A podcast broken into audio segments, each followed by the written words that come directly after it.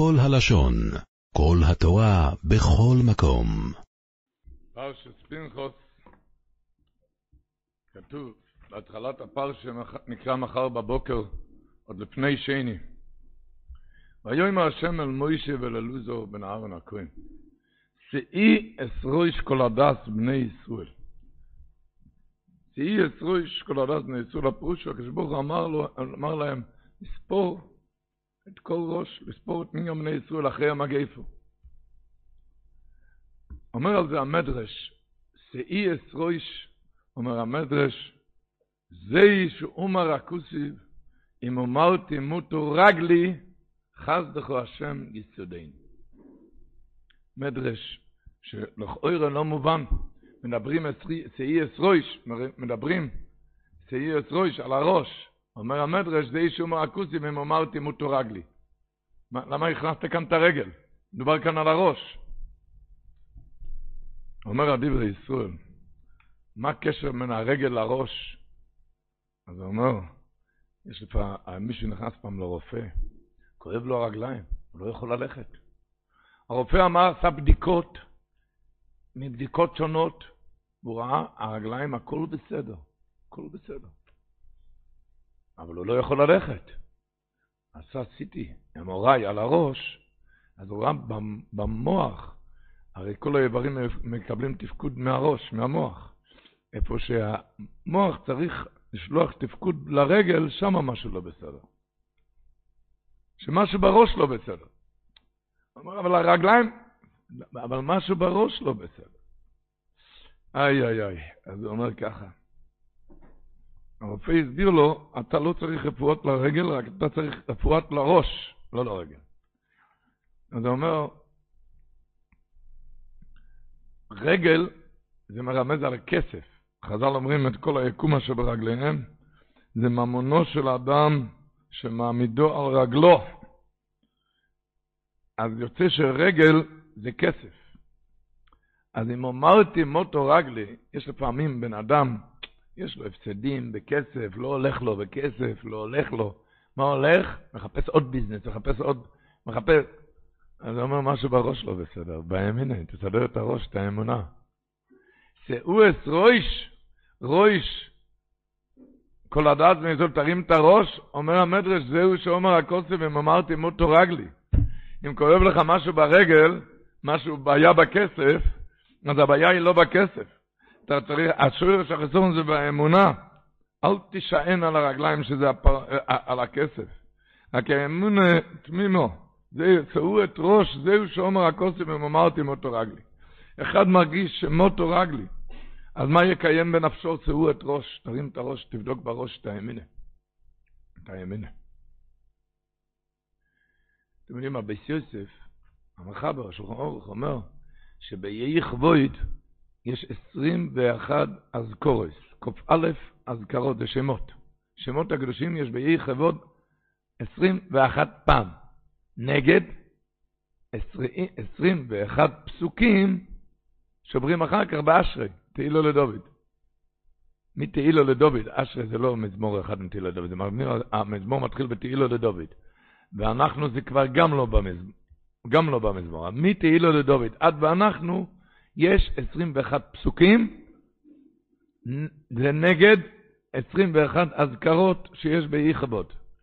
אז כשתעשו חשבון, תראו שהשם ה-16 ביהי כבוד, זה רבוס מחשובס בלב איש, ועצת השם היא תקום. ומה הפסוק ה-16, מה נגדו? פוסח את יודכו, משביע לכל חי רוצה. פוסח את יודכו, משביע לכל חי רוצה, רבות מחשבות בלב איש. על ועצת השם היא תקום. ועצת השם היא תקום. זה נגדו.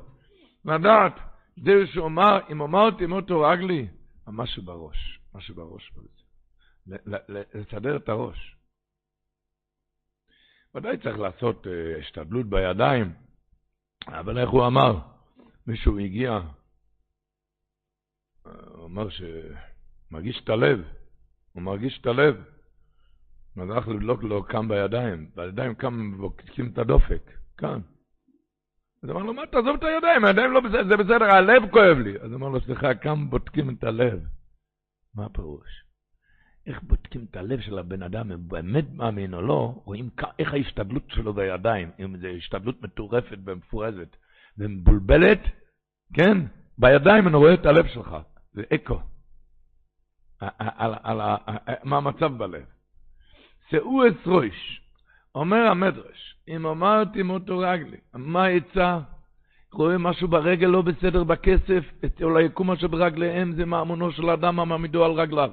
אם אמרתי מטה רגלי משהו ברגל בממון לא בסדר, מה יצא? שאו את ראש כאן להכניס אמונה.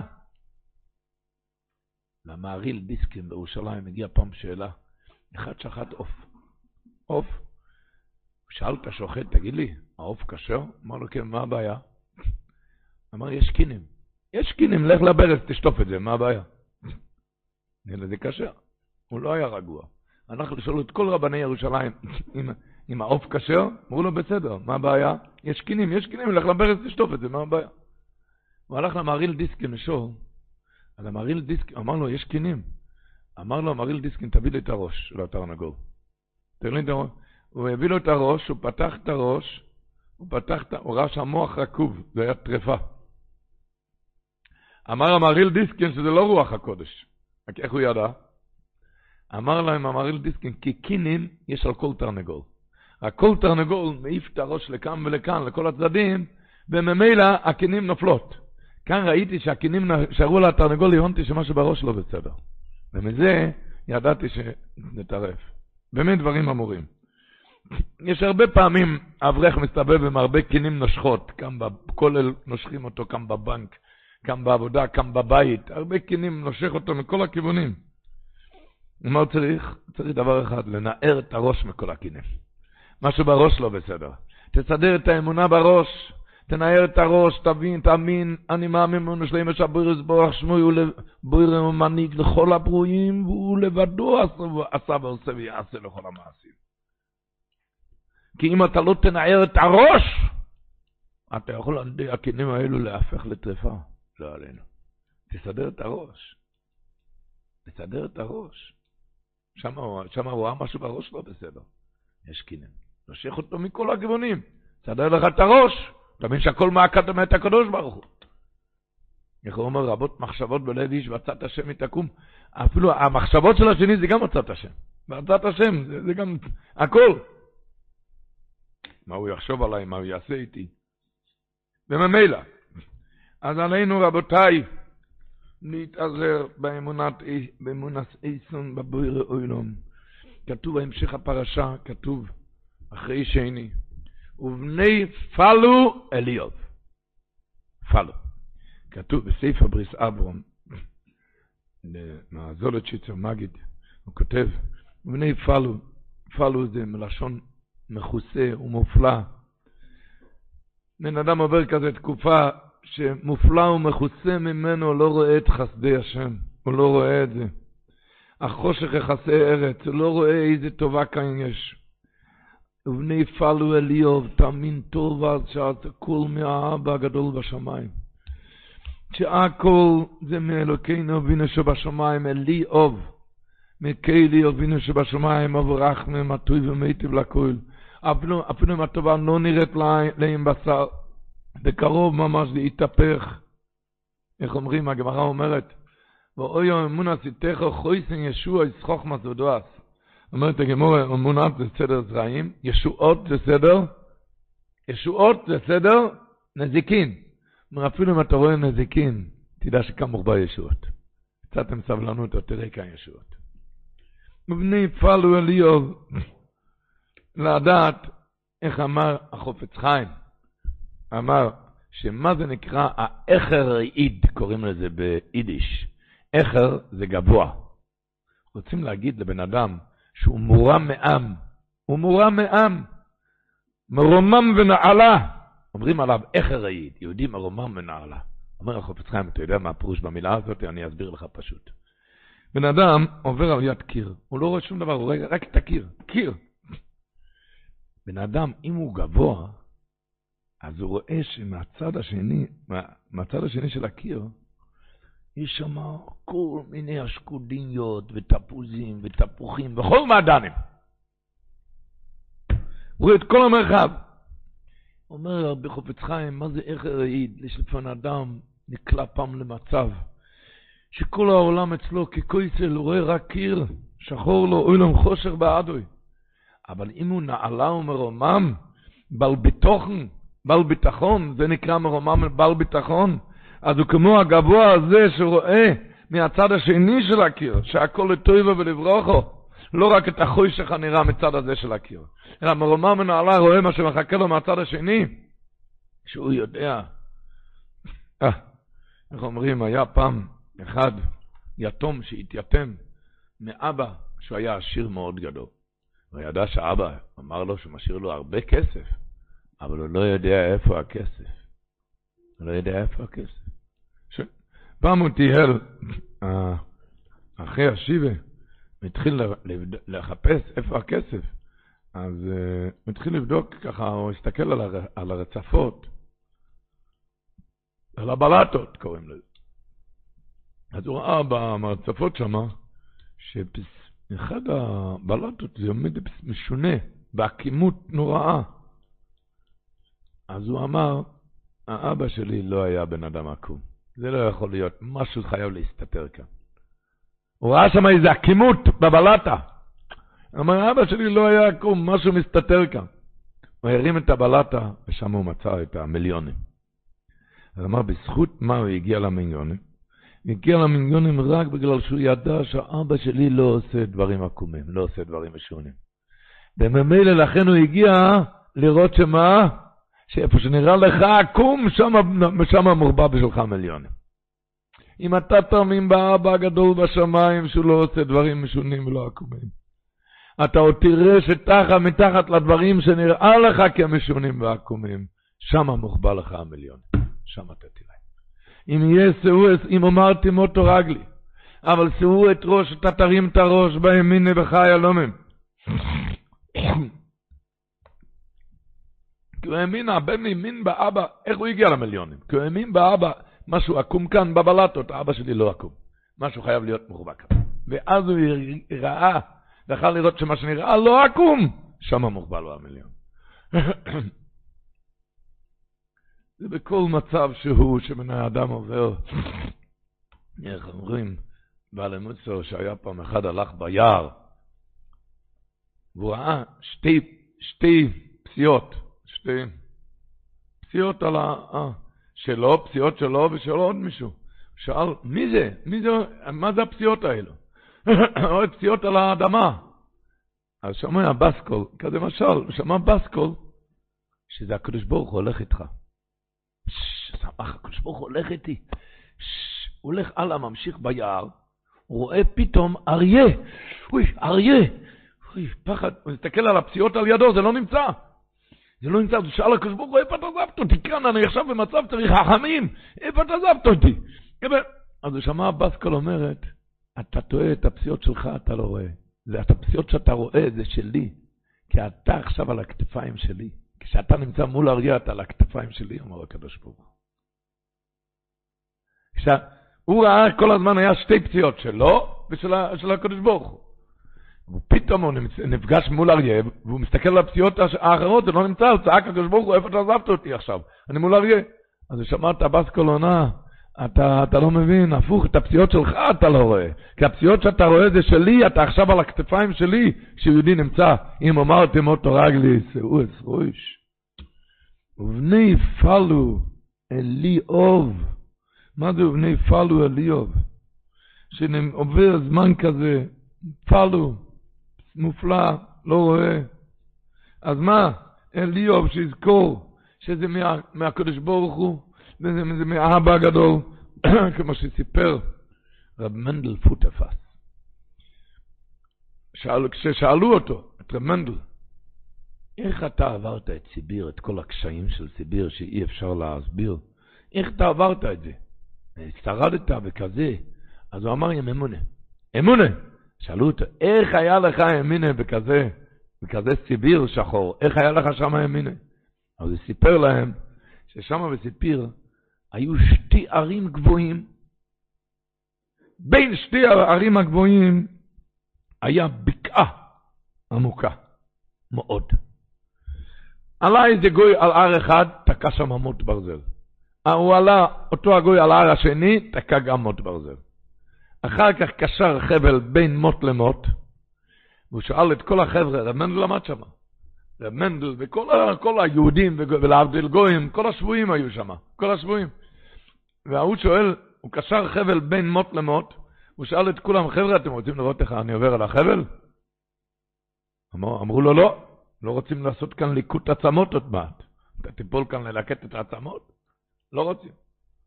אבל, אבל הוא היה לוליין, הציבור יודע מה זה לוליין, כן? חוכמה שהקדוש ברוך הוא נתן לו. אז הוא עלה על החבל, והוא הלך את כל החבל. לפליאת כל העם. רמנדל ראה את זה. הוא סיפר, ושאחר כך שאל את כולם, חבר'ה, אתם רוצים לראות עוד פעם? אמרו לו, לא, לא, לא, פעם אחת מספיק, לא, לא רוצים לראות עוד פעם. אבל הוא כן הלך את זה עוד פעם, עשה בואי בשולם, חזר את כל הדרך. חזר את כל הדרך. אחר כך הוא שאל את כולם, חבר'ה, אתם מאמינים שאני יכול ללכת פעם שלישית? הם אמרו לו, אנחנו לא צריכים להאמין, ראינו. אתם מאמינים שאני יכול ללכת פעם שלישית? אמרו כולם כן. אז הוא שאל אותם, אתם מאמינים שאני יכול ללכת גם עם עגלה על החבל? אמרו לו, תשמע, העגלה זה לא הבעיה, אנחנו לא יודעים בכלל איך עוברים עם חבל הזה, על החבל הזה. מי שיכול על חבל יכול גם עם עגלה. אתם מאמינים שאני יכול ללכת עם עגלה? אמרו לו, כן. אז הוא שאל, אולי אחד מהם כן מוכן להתיישב בתוך העגלה?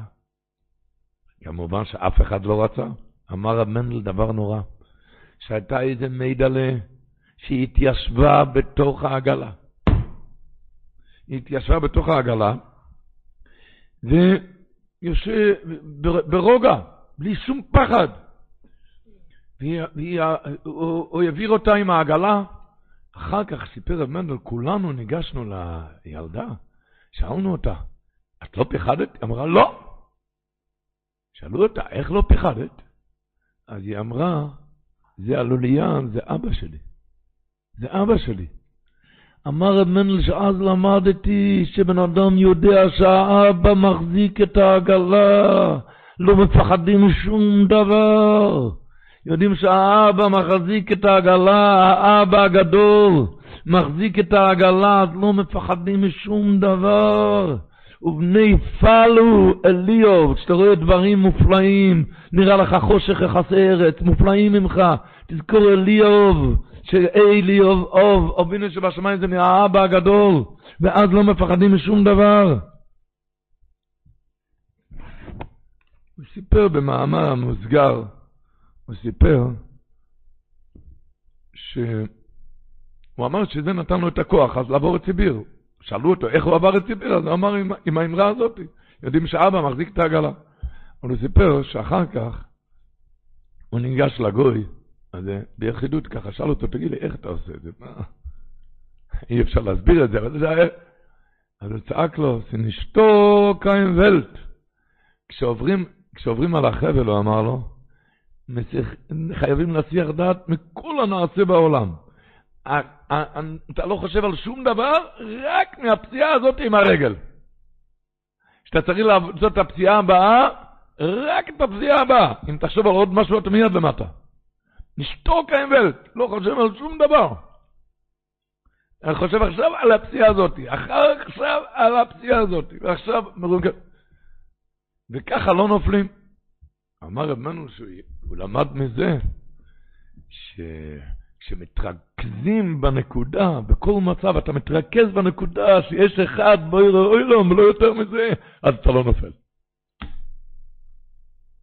בכל מצב אם אתה תתרכז בנקודה, אוי, תתרכז בנקודה שבני פעלו על איוב. ברוך אה? תתרכז בנקודה איך אמר לי איזה רב, שהוא עבר, עבר דברים לא קלים, אז אמר לי, וורט מאוד טוב, אומר, כתוב כמלוכו וצו אלוך, לשמורכו בכל דרכיך. על כפיים ישאונכו, המלאכים האלו יישאו אותך על הכפיים, פן תגוף באבן רגליך, אולי משהו יהיה באבן רגליך. אמר, אמר לי, אני לא מבין, אם יש כאן מלאכים, למה שלא יסלקו את האבנים? הם מרים אותי על, הם מרימים אותי על כפיים, שאני לא אקבל, הרגל שלי שלא תנגב באבן. לא יותר טוב שהמלאכים יסלקו לגמרי את האבנים? אז אמר, לפעמים מנפלו את השגוחה. הקדוש ברוך הוא רוצה שזה כן יישאר כאן. הקדוש ברוך הוא רוצה, האבן צריך להישאר כאן. אמר עושה הקדוש ברוך הוא, שולח את המלוכים לרומם ולהגביה את הבן אדם, שלא ירגיש בכלל את עגמת נפש מהאבן הזה. למשל, דוגמה, לפעמים נגזר על בן אדם שיאבד ויפסיד אלף דולר. מסיבה שאנחנו אף פעם לא נבין. על כפיים יצאוך, האבן הזה נשאר, הקדוש ברוך הוא אבל משפיע עליך פתאום מיליון, שאתה לא תרגיש בכלל מהאבן הזה. על כפיים יצאוך, פן תיגב בהם רגליך. ככה בכל תהלוך עץ החיים. אנחנו רק נאמין מה כתוב הלאה. על כפיים יצאוך, פן תיגב בהם רגליך, כתוב הלאה, כי עתו השם מחסי, עליון שמתו מעיניך. למה יש לך את כל השכר הזה, את כל השמירה? כי עתו השם מחסי. מה זה מחסי? אומר רש"י, רש"י מוסיף מילה אחת. כי עתו אומרתו השם מחסי, כי אתה אמרת השם מחסי. כל השכר, השמירה, בגלל שאתה אומר השם מחסי, לכן אתה מקבל את זה. אומר רש"י, והרי זה מקרא קצר. מה פירוש מקרא קצר? שחסר כאן מילה. איזה מילה חסר? אמרת. כי אתה צריך להיות כתוב, כי אתה אמרת השם מחסי, נכון? אמר, הרש"י אומר, הרי זה מקרא קצר, מה מבקשים לך? אם היום מבקשים לך מילא לגמור את כל התהילים, מה אני מבקש לך? מקרא קצר, תגיד שלוש מילים, השם מחסי. כי אתה אמרת השם מחסי ותראה מה אתה מקבל זה. הרי זה מקרא קצר, מה מבקשים ממך? תשנן בפה השם מחסי. אין לי עם אף אחד שום דבר רק עם הקדוש ברוך הוא. תשנן את זה בפה. כי אתה אמרת השם מחסי. מה שהקראנו שבוע שעבר, מהרב הקודש רב שולם טועמים, שאמר לאחד ממקורביו, שמה שיקרה לו, אם זה בגוף, אם זה בכסף, שיגיד את המילים האלו, ריבונו של עולם, אתה בראת אותי ואתה נותן לי חיות כל רגע ורגע. אתה עושה את הכל איתי, וחוץ ממך אין לי שום עסק עם אף אחד בעולם, רק אתה עושה הכל. ויראה, ויראה פלאות והוא בדוק, כשיגיד את זה. מקרא קצר. את אמרת שמח. זה נוגע לכל העניינים שבעולם, בפרט לימים שהשם יעזור, שמחכים שהחודש הזה יהפך לששון ולשמחה. אבל הימים האלו, מה שידוע, מה שכתוב בחז"ל, שכל החורבן זה היה טובה גדולה להצולס כלל ישראל. הקדוש ברוך הוא שפך עמוס על עצם העוון ולא עלם קרובו חלילה. אומר האמרי נוים, שמה שכתוב מארי הקודש החודש תמוז אוב, זה מכוון כנגד העיניים. למה? למה מכוון כנגד העיניים? להודיע לנו אשר חלילה לא שר השגחת הבורא והרחמים מעין הפקיחה גם באלו הימים. תבין שהימים האלו הפקיחה עלינו. כי המקור של הדברים, מה שהיה רובן, המקור היה מלא רחמים. כי ככה ניצלנו, שפך המטור לצבע על אבנים. ואנחנו ניצלנו. רק שהוא, בס... המקור של הדברים היה מלא רחמים. רק שהוא בסתר ולא, נגל... ולא נתגלה לנו לעין כל.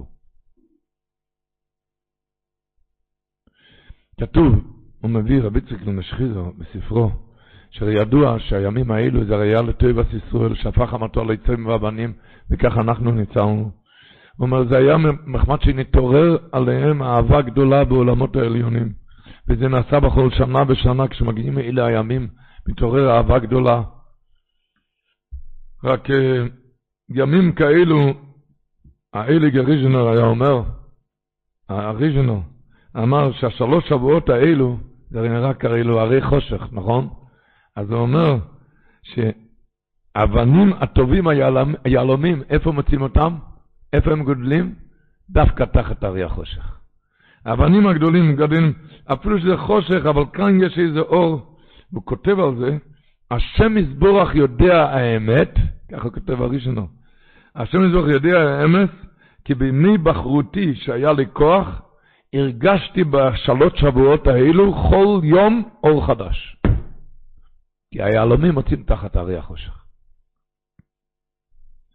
ואחר כך אומר האמת, מה שאמרו חז"ל, כל מעדה עביד רחמונו לצו עביד, הכוונה לשלוש שבועות, אף על פי שהם מבחינת ירידה לישראל, מכל מקום נתב אבית.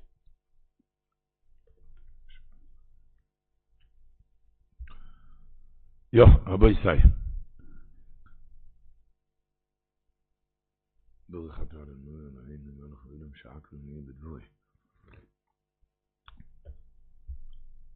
היה צלם ערוב, היה בן של הרוגס הבויסם.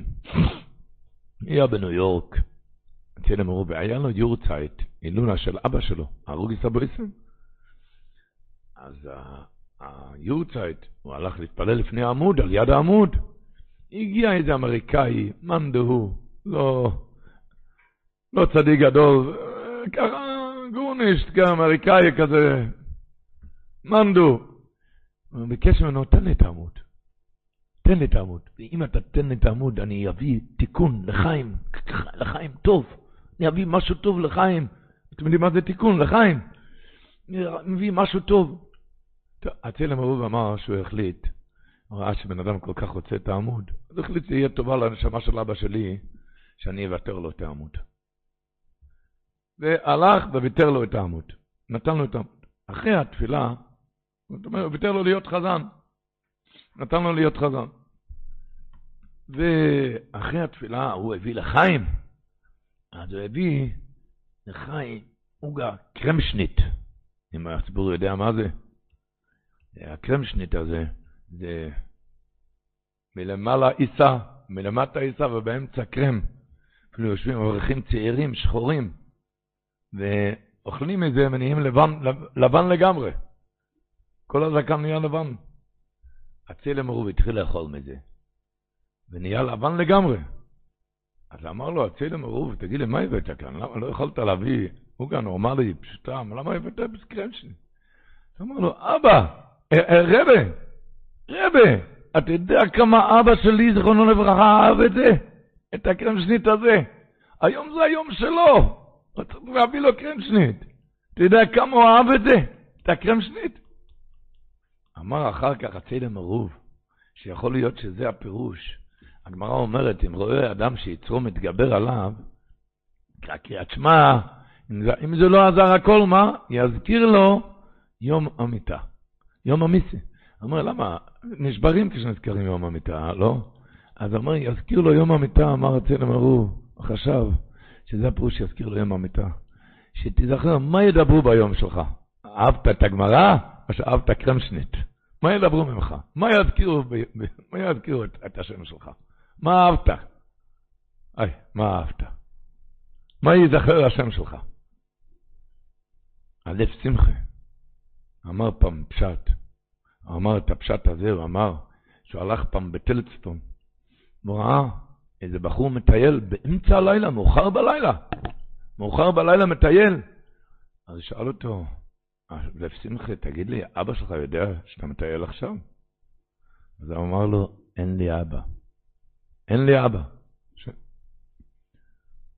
למחרת, הלב שמחה חיכה לו בישיבה, עם כמה שקיות ממתקים, אמר, בוא, אני אטייל איתך.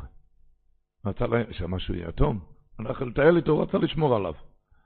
אמר אז הלב שמחה מוירו דגבורט, הוא אמר, שאומרים בברכת המזון, הוא טובו הגדול לא, תמיד לא חסר לנו, ואל יחסר לנו מזון לעולם ועד. מה זה לעולם ועד? בקבר יש מזון? אל יחסר לנו מזון כל החיים, אז זה לעולם ועד. אז הוא אומר, לעולם ועד, כשגברו אותי בקבר, שהבנים יעשו דברים טובים, ומילא יהיה לי מזון. כי אחרת אם הם יטיילו שם ברחובות, איזה מזון יגיע אליי למעלה. ואל יחסר לנו מזון לעולם ועד, זה נקרא מזון. אז אנחנו, בקשר שנכין את המזון כאן, כשאנחנו נמצאים בעולם הזה, נכין את המזון. מדובר, מה, ש, מה שמדובר כאן, בעניין, כתוב השבוע בפרשה. לצפוין משפחת הצפויני. כתוב במספירה שיש פעמיים בתנ"ך צפון, לצפון משפחת הצפוני, מה זה השני? ואת הצפויני ארחיק מעליכם שמי שזוכר, הגמרא דורשת, מה זה הצפויני? זה היצר הרע. היצר הרע. איי, איי, איי, היצר הרע הזה הוא צפון ועומד בליבו של אדם.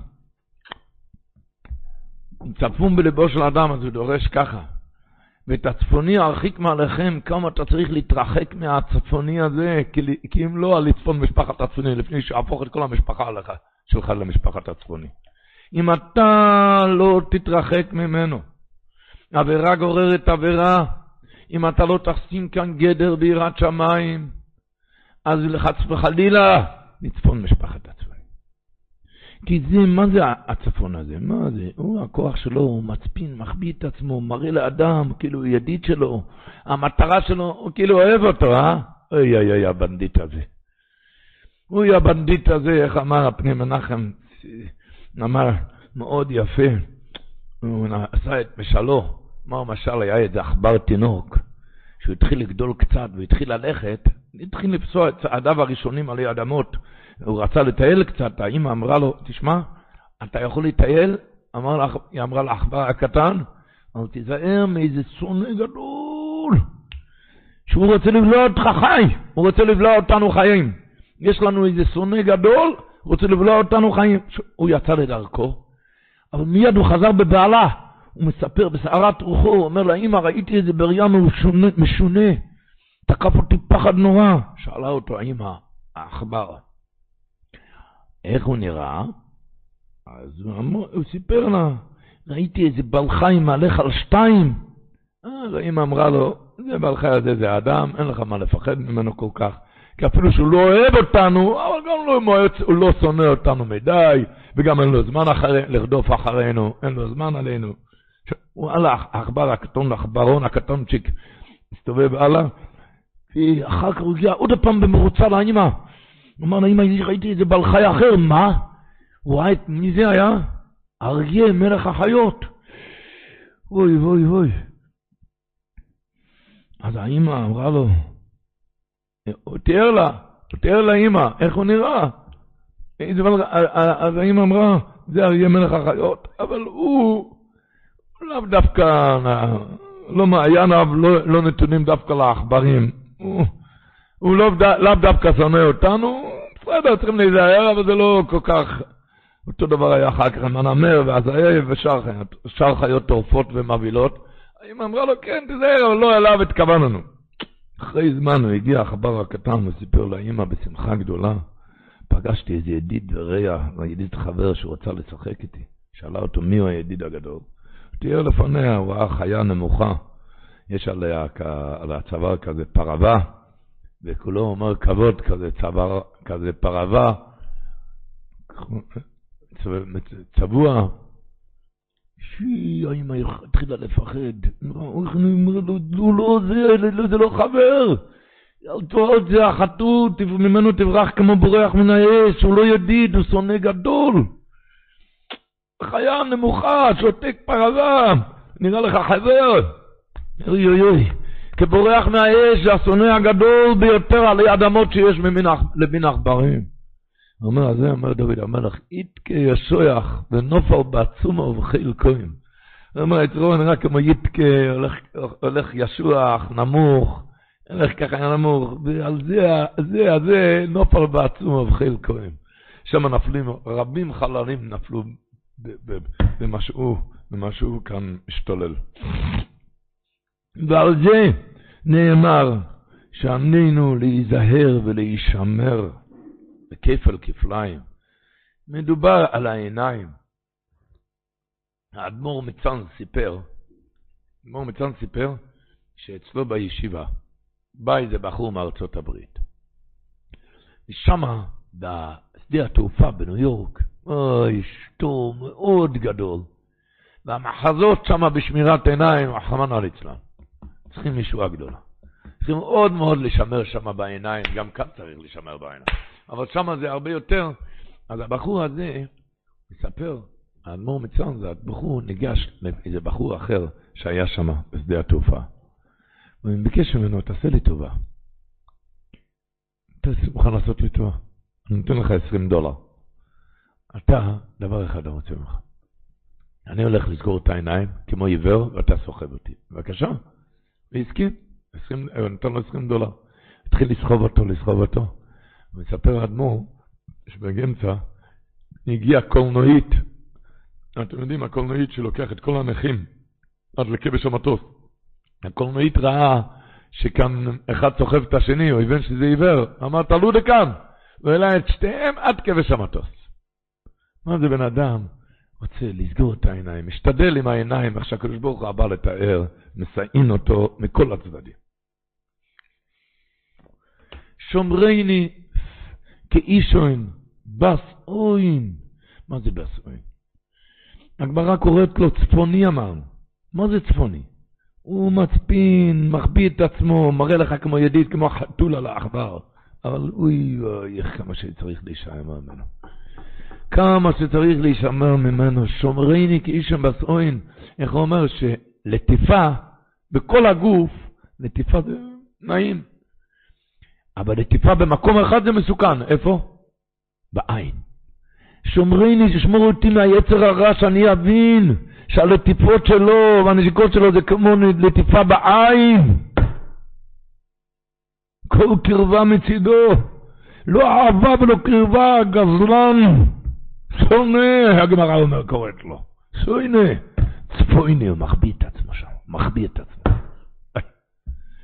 איך אמר רב שיעה לבלזר? אמר, והלך סני, וחברך לא תעביד, ואידך דין גמור. אז אמר, להלוך סני, תזכור טוב שהוא שונא שלך. חברך לא תעביד, אל תעשה אותו לחבר. ואידך זיל גמור, אחר כך יהיה לך יותר קל. דבר ראשון, תכניס טוב לראש שהוא שונא שלך. הוא מראה לך לטיפות, זה צפוני, זה כמו לטיפות בעין, זה צפוני.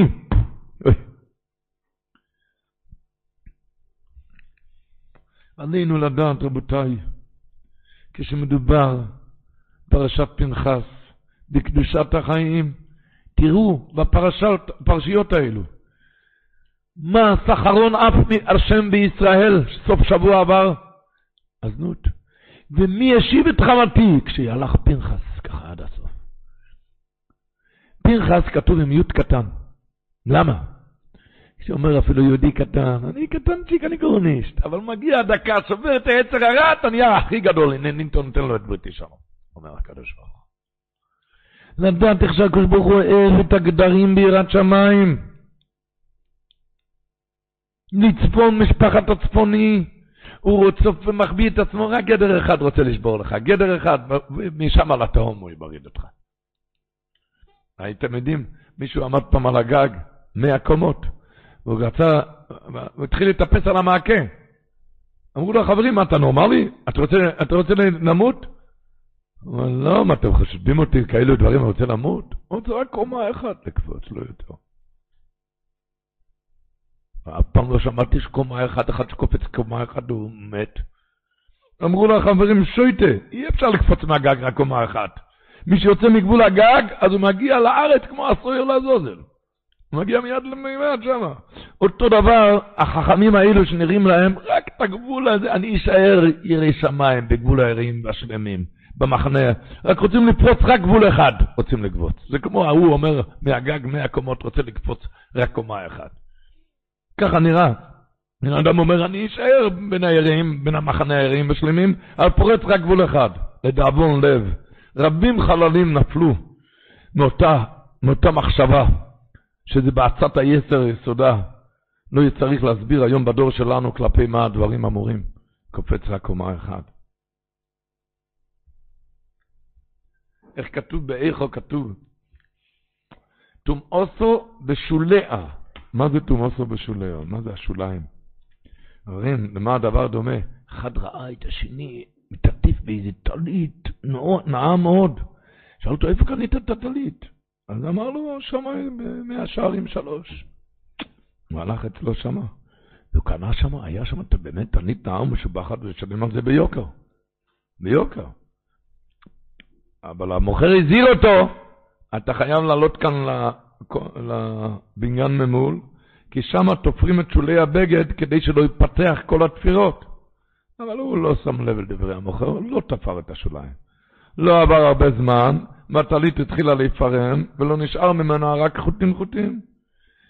עלה הקונה הזה למויכר של הטלית, וצעק עליו, לא מורי מסוני, שלמתי לך הרבה כסף על הטלית, שזה משופרא דשופרא, ואתה נתת לי זיבוריס שזה זיבוריס, סוג ג', תראה מה ש... איך שזה נפרם. אמר לו המויכר, אני נתתי לך את הטלית הכי משובחת, אבל מה אפשר לעשות שאתה התחכמת ולא שמעת בקולי לתפור את השוליים? זה אומר הפסוק, טומאוסו בשוליה. למה יש את הטומאה? בגלל שלא נזהרו בשוליים. לא הציבו גדרות וחומות לשמור בשמירה מעולה. לכן היה מקום ליצר הרע להיכנס ולהחטיאם עד שנפלו לגמרי. ראיתי, יש כאלו שאומרים את זה בפסוק בתהילים, קי"ט, פסוק קנ"ח, בקי"ט, כתוב שם, רואיסי בויגדים ואסקויטוטו, אשר אמרוסכו לא ישמורו. מה זה אמרה? הגמרא אומרת, חלוק שאין לו אמרה, בתענית י"א. מה זה אמרה? אמרה זה נקרא השפה, השפה, הקצה של הבגד ששם תופרים, מגבילים את הבגד. שפה, זה אמרה. אז אומר לו, איסי בויגדים, ואסקויטוטו, אתה לא יודע ממה הוא נהיה בוגד? אשר אמרוסך לא ישמורו, כי לא שמר על האמרה. לא שמר, לא עשה את האמרה. לא שמרו על הגדרים, לכן יהיו בוגדים לו עלינו. בן אדם, רבותיי, מזה היה חורבן בית המקדש, ולא עלינו ולא עליכם לשמור על בית יהודי. איך אמר אסקולון הרבי זיכרונו לברוכה? כי חיזק בריחי שערייך. אם תחזק את הבריחים, את הגדרים, מזה ברך בנייך בקרבך. מזה יש בית קדוש. כשהוא מחזק בריחי שערייך, נועל דלתות הבית מהרוחות הרעות המשתוללות בעולם. חיזק בריחי שערייך, נועל את הדלתות. אז בית שמור בגדרים וסייגים, אז יש השראת השכינה. רחמנא ליצלן מביא שם כלים אסורים, רחמנא ליצלן. השם ישמור, זה ושב מאחריך, השכינה מסתלקת מהבית.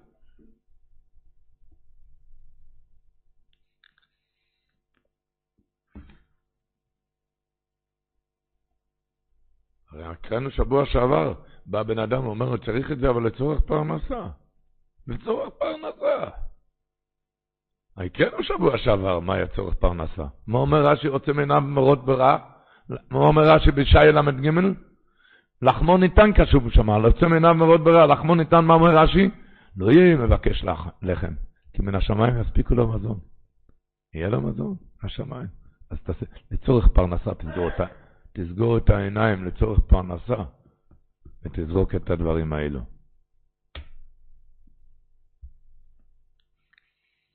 רבותיי, בימים האלו שמחכים שיהפך לששון ולשמחה, הגמרא אומרת, זה משנה בתענית, פרק ד' משנה ו', חמישה דבורים עירו סבוסינו בשבע עשר בתמוז. איזה חמישה דברים? נשתברו הלוחות, בטל התמיד. ובקעה העיר, ושרף הפוסטמוס את התורה, והעמיד צלם בהיכל.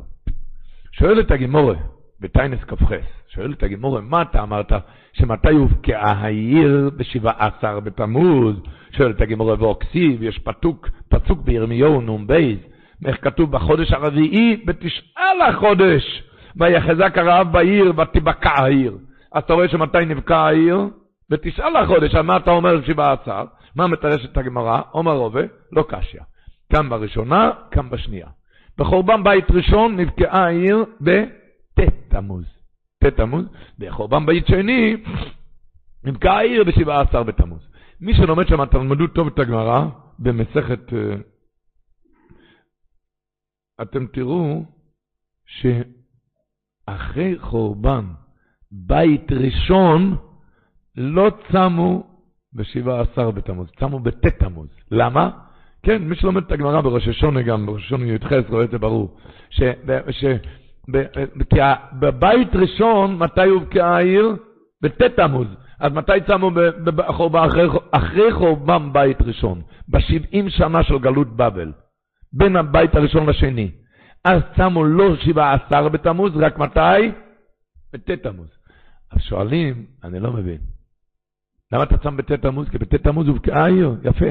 אבל היה עוד ארבע דברים שזה כן קרה בשבעה עשר בתמוז. איזה? נשתברו הלוחות, בטל התמיד, שרף הפוסטמוס את התורה, העמיד צלם בהיכל. אז למה אתה צם בט' תמוז? בגלל שאז הובקעה העיר. מה יש הובקעה העיר? אבל יש עוד ארבע דברים. אתם יודעים מה הוא אומר? כי אחרי, העיקר זה הובקעה העיר. אחרי הובקעה העיר, הכל, הכל התחיל. הובקעה העיר זה חומה. כשנבקע איזה חומה ביראת שמיים, הכל המשי, המשכם, יצלם בהיכל, שרף הפוסטמוס התורה, בתל התמיד, הכל אחרי שנבקע העיר. אחרי שנבקע העיר זה הצערה הכי גדולה, הבקעת חומות וגדרים, זה תחילת החורבן והצערה שיש עליה להתענות ולהתאבל. זה הצערה הקשה מכולם. ולכן שמו אז, בתשעה בתמוז. ובאמת, בחורבן בית המקדוש, שהגימורה מספרת בגיטין נ"ו, על טיטוס הרשע שנכנס לבית המקדוש וחיללו בביזיון נורא, עד שהוא קרב לפרויכס. הפרויכס המבדילו בין הקוידש לקוידש הקדושים. מה אומרת הגימורה? ונטל סייף וגידר את הפרוכת, הוריד את הפרוכת, וכשחזר הביתה אומרת הגימורה, נטל את הפרוכת ועשאו כמין גרגוטני. מה זה גרגוטני? זה סל גדול, הוא עשה מזה כמו סל גדול, והביא כל כלים שבמקדש, והניחם בהם בתוך הפרוכת כמו סל גדול, והושיבם בספינה ללך להשתבח בעירו. אז הוא אומר, תראה, זה החורבן הראשון. שמה? הוריד את הפרוכת. הוריד את הפרויכס, את המבדילו, את הפרויכס המבדילו בין הקודש ובין קודש הקודשים. הוריד את הפרוכת, כשבאים לפגוע במחיצות הפרוכת המבדילות, זה חורבן הבית והנפש מהחלת כלה. מזה התחיל הכל. לדעת להישמר גדרים, ככה החריב את המקדש ואת קודש הקדושים. הכל נחרב ממה? הוריד את הפרוכת, הוריד גדר, הוריד גדרים ביראת שמיים. ככה שרים במעוז צור ישועתי במי החנוכה. איך שרים? יוונים נקבצו עליי. אזי במי חשמנים, ופורצו חולמויס מגדולי. זה מה שהיוונים הרשיעו, פרצו חומות מגדלי, אתם יודעים מה, מה הם עשו? הם נכנסו בטומאתם, הגיבור אומרת, לתוך, לתוך הזורה, שיקצו אבני המזבח, רדפו את יראי השם, השליטו כפירה בפינס איקרס. מה אתה אומר, זה הבעיה, הוא פורצו חומץ מגדולי? הלו שיקצו אבני מזבח, אתם יודעים מה שעשו שמה? הוא אומר, כן, זה העיקר, הוא פורצו חומץ. כשבן אדם פורץ חומה, גדר ויראת שמיים, משם הוא מגיע, מתגלגל להכל החלטה שלו. רחמנא ליצלן. זה היה חורבן בית המקדש, התחילה מהפרוכת והוריד, הוריד את, הכל, את הגדר. איך היום אמר רבי ישראל? אמר, מן, כתוב, היה הפטרה שבוע שעבר, מן השיטים ועד הגלגל. מן השיטים ועד הגלגל. מתחילים משטויות, השיטים, עד תתגלגל לשאול תחתיה, רחמנא ליצלן. אין, הוא רוצה רק גדר אחד, רק גדר אחד. זה כמו אחד מהקומה, מהגג של מאה קומות, הוא אומר, הוא רוצה לרדת רק קומה אחת. אין, אין רק קומה אחת.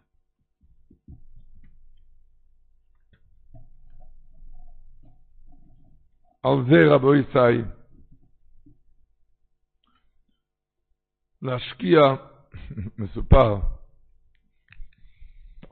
המשגיח של ישיבה סקול תוירה היה הגאון הצדיק, רב גדליה אייזמן זצ"ל. הוא הלך הביתה עם תלמיד. אז באחד הימים הם עברו על יד פחי אשפה גדולים, פזורים לרחוב שם, קוראים לזה היום צפרדע. אז כדרכו שלא אלוהים היו שם הרבה חתולים, עוברים שם באשפה ומיילדים. ובאמצע המשגיח עצר, ואמר לתלמידים, אמר לתלמיד הזה, אתה יודע, החתולים האלו, הם נוברים שם באשפה ומייללים, הוא אמר, החתולים האלו מדברים אלינו. אתה מבין מה שהוא אומר? התלמיד השתומם, לא יודע על מה, מה, מתכוון, מה מתכוון כאן משגיח. אמר לה המשגיח, החתולים האלו פונים עלינו והם אומרים לנו ככה. מה לכם בני אדם, אתם מתגאים עלינו? אנחנו עשירים לעומתכם. המצב שלנו הרבה יותר מהמצב שלכם. תראו בני אדם, אתם רוצים לאכול, מה אתם צריכים ללכת? הדבר הראשון לעבוד כדי שיהיה כסף, וכשיהיה כסף, אתה הולך לחנות, לפעמים בדיוק מה שרצית לקנות כבר לא נמצא, ואפילו אם כבר כן נמצא, כי הגעת איזה הביתה, אתה צריך להתייגע, לבשל את זה, לאפות את זה, ולפעמים אחרי כן האוכל נשרף, ואין מה לאכול, ואפילו אם יש אוכל, אתה הולך לאכול, אז פתאום מגיעים לך האורחים, ואין מספיק לכולם, ואפילו כשכבר מגיע והכל מספיק, הכל מספיק, צריכים עכשיו לחכות שיגיע מזלגות וסכינים וכפיות. אנחנו, אומר המשגיח, החתולים אומרים, אנחנו, לא הם ולא לא כעת ואין לה שום דאגות ותכרות. המזון שלנו תמיד בפח אשפה בכל אתר ואתר. אין ימים שהחנויות סגורות, ואין חשש שלא יהיה מספיק, ואין לא צריך שום דבר, הכל מוכן. לכולם יש בשפע גדול, ללא עיכובים, ומניות, ללא המתנות והגבלות. תקף כשרואים את האוכל, בעודו בחטאנו, בלענו, נבלע, לנו עתנו, ללא גינונים. נו, אז מי יותר עשיר? אנחנו או אתם? ככה החתולים מייללים. המשיך המשגיח ואמר לתלמיד, אמר לו, לכוירא, הצדיק, החתולים האלו לכוירא צודקים, לא? לא חסר להם כלום, אין להם שום הגבלות, שום גדרים וסייגים, אבל מה סוף סוף? סוף סוף, פו, הנהר שלהם זה מהמיאוס, פח אשפה, ששום בר דעת לא יכול לעמוד לפני הריח אפילו שעה אחת. אם אפילו יהיה לו ריח אחד מאחוז מחמישים מצחן ריח של הארוחה שלהם, הם בורחים לצד השני של הכביש. לא יכול עם כזה ריח. אמר, לו המשגיח, אני אסביר לך, יש הרבה פורקי עול, הם המומרים לכל, מומורים לכל התואר כולו. המומורים או המומורים לדובר, אחד מן התוארו, שמסתכלים בלגלוג ובוז על אלו שכן מקבלים עול, שמדקדקים כבקל או כבחמורו. ומסתכלים, אה, תראה, תראה כמה אנחנו מאושרים, יש לנו את הכל ללא כל עיכוב, הכל נגיש וזמין, ביד ומיד. כמה קלים חיי לחיינו, בלי הגבלות, בלי מחסומים, הכל מותרים לנו, הכל שרויים לנו, ולכן הכל כבד, הכל אסור ומוגבל. אנחנו עונים להם בדיוק כמו שעונים לחתולים. אתם כביכול נהנים ומאושרים, אבל ההנאה שלכם זה מעמוס, מהשכל ועמוס, בתוכך רפש זוהמת היצר החמורס, כמו החתולי חוצות המלקקים להנאתם את כל אשר הנפש היפה צוללת ומרחקת. ואנחנו, בשמירתנו, על הגבול הסגדורים, אנחנו מזכחים ומטהרים את שיר כוי מסור אדום. כאשר ככה תבין ברור מיהו המאושר האמיתי. אתה המאושר בדיוק כמו החתולה שמהדברים המאוסים. ואני חושב שהרבה יותר הנמשל מהמשל. החתולה זה אשפה זה, אבל אשפה שמציירת את השכינה הקדושה, לא עלינו.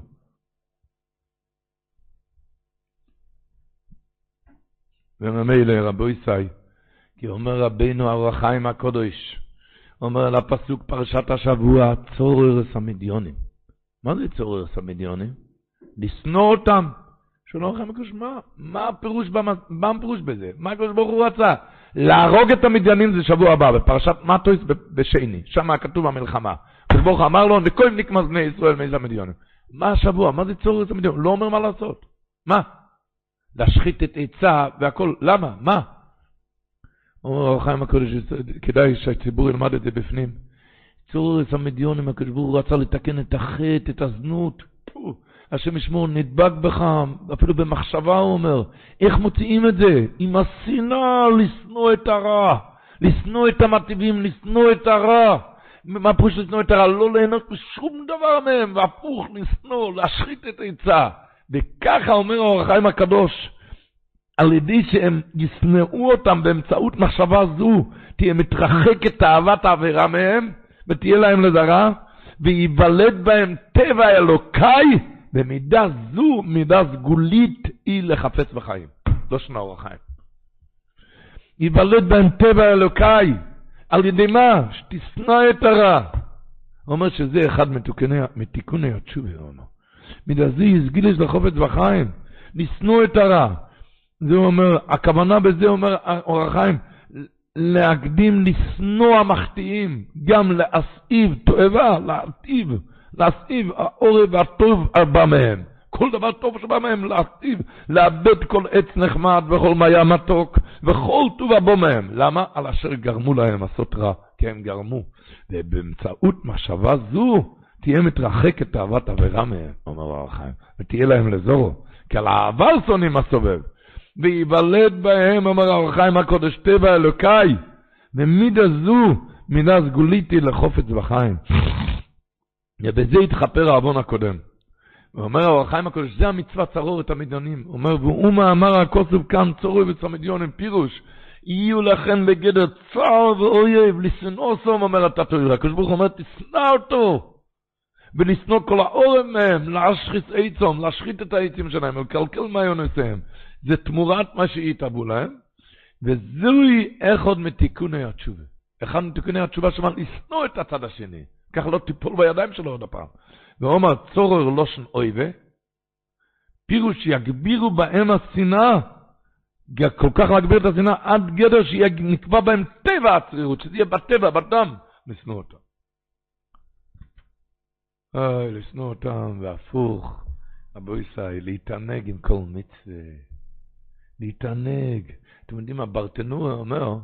ברטנורה, רבינו עובדיה ברטנורה, אומר על המשנה, באובויס פרק ד' משנה בייס, כתוב, שכר מצווה, מצווה. מה פה שכר מצווה? מצווה.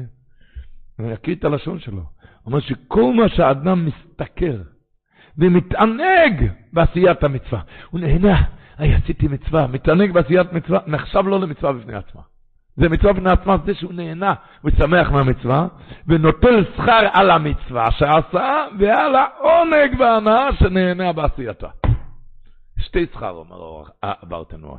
עוד פעם, שכל מה שהאדם מסתכר ומתענג בעשיית המצווה, נחשב לא למצווה בפני עצמה, זה מצווה בפני עצמה שאתה נהנה, שמח מזה. ונותן שכר על המצווה שעשה ועל העונג וההנאה שנהנה בעשייתה. איך אמר הטריסקי המגיד, כתוב השבוע בפרשה. לפי חג השבועות זה כתוב. הרי הפרשה של המועדים השבוע. כתוב, כל מלאכת עבודה לא תעשו. אומר, הפסוק בא להזהיר את העם, שלא יקבל את, את התוירה כמו דבר שיש בו טורח וקושי, זה מלאכת עבודה. לא תעשו, אל תעשה לי כמו מלאכת עבודה. תהיה שמח בזה. שמח. תהיה שמח בזה. תהנה. איי, איי, איי, איי. ורבותיי,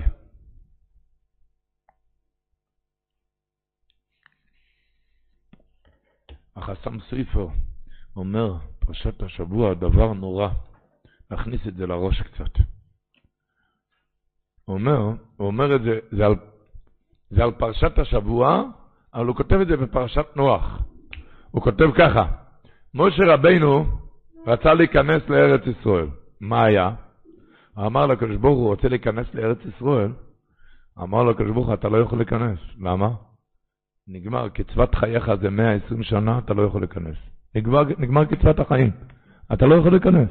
120 שנה. אז משה רבינו אמר לקדוש ברוך הוא, אומר חסם סופר, דובו נוירו נרוס, כדאי לזכור כזה חסם סופר. משה רבינו אמר לקדוש ברוך הוא, הגמרא אומרת בחגיגה דף A, שהרב ביבי ורביי ראה פעם את המלאך המובס, לקח אישה צעירה, אישה צעירה. שאל אותו, תגיד לי, היא נפטרה כאן צעירה. כל השנים שיש לבן אדם, ימי, כתוב בפסוק, כמו שנותינו בהם 70 שנה, ועם גדורות 80 שנה, מה אתה עם כל השנים? נשאר כאן איזה 70 שנה, מה הולך עם כל השנים האלו? כל אלו שנפטרו צעירים, מה הולך עם כל השנים האלו? אמר לו המלאך המובס, כשאנחנו רואים תלמיד חוכם שמעביר על מידותיו, הוא מקבל את כל השנים. אמר, אומר אחסם סויפר, משה רבינו אמר לקדוש ברוך הוא, הקדוש ברוך אמר לו, תשמע, נגמרו לך שנים, אתה לא יכול לעבור לארץ, זה 120 שנה, נגמר. צעק משה רבינו לקדוש ברוך הוא, אבל יש כאן דור המדבר, דור דעה שהם נפטרו בקיצור ימים ושנים. ויש הרבה שנים, תן לי מהשנים האלו, אני אוכל להיכנס לארץ. יש כאן 60 ריבו שנפטרו בקיצור ימים. אתם יודעים כמה שנים יש שם? מיליונים של שנים יש שם. תן לי מהשנים, אני אוכל להיכנס לארץ. אמר לו הקדוש ברוך הוא, אתה לא יכול לקבל, מזה. למה? כי זה מקבל רק מעביר על מידותיו, ואתה אמרת, שימו נועה מוירם, פרשת שב... לפני שבועיים. אמרת ככה לעם ישראל, כביכול חסר כאן במעביר על מידותיו, על מידותיו כביכול, לכן אתה לא יכול לקבל את זה.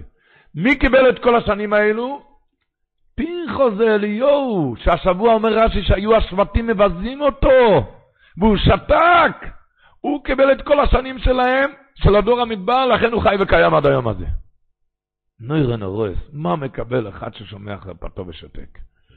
לכן הוא נשא אליהו וחי לעולם. מה זה נקרא בן אדם שומע חרפתו ושותק? אומר רבנו אחידה, זה הפירוש כל ימיי גדלתי בין החכמים ולא מצאתי לגוף טוב משתיקה. מה זה לגוף? תגיד לנפש, למה לגוף? אומר שהגוף חייב לעבור, הבן אדם לא, לא, אתה לא יכול, אין צדיק בארץ אשר יעשה טוב ולא יחטא. אז צריך לעבור יסורים, אם בגוף, אם בכסף, תיקונים. אבל אחד ששומע חרפתו ואינו משיב, יכול להיות בריא עם הכסף, ולא מצאתי לגוף טוב משתוקה, משתיקה. למה? כי ככה אתה חוסך צער ועגמת נפש בגוף ובממון. איי, איי, איי, איי. מה זה נקרא בן אדם? אומר רבנו החתם סופר, פרשת השבוע, כתוב, לכן למור, הנני נויסן לוי אסבריסי שולוים.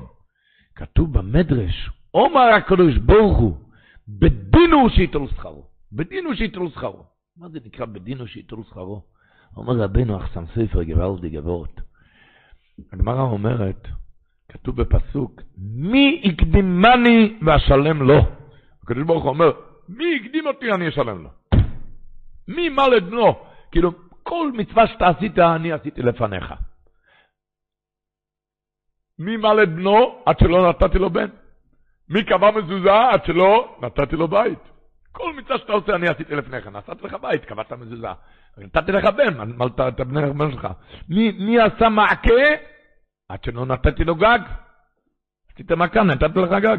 מי עשה לי סוכה עד שלא נתתי לו מקום? מי עשה לי לולב עד שלא נתתי לו דמים כסף? מי עשה לי ציצית עד שלא נתתי לו טלית? עשית ציצית, נתתי לך. הקדוש ברוך אומר, יבוא כאן מי שהקדים אותי, אני אשלם לו. אומר הסמסיס, אומר את הגבעות, מי זה אחד? מי זה האחד הזה שעליו אי אפשר להגיד מי יקדמני מהשלם? אחד ששומע חרפתו ושותק. למה? כי לא, מה, מה היה קדם?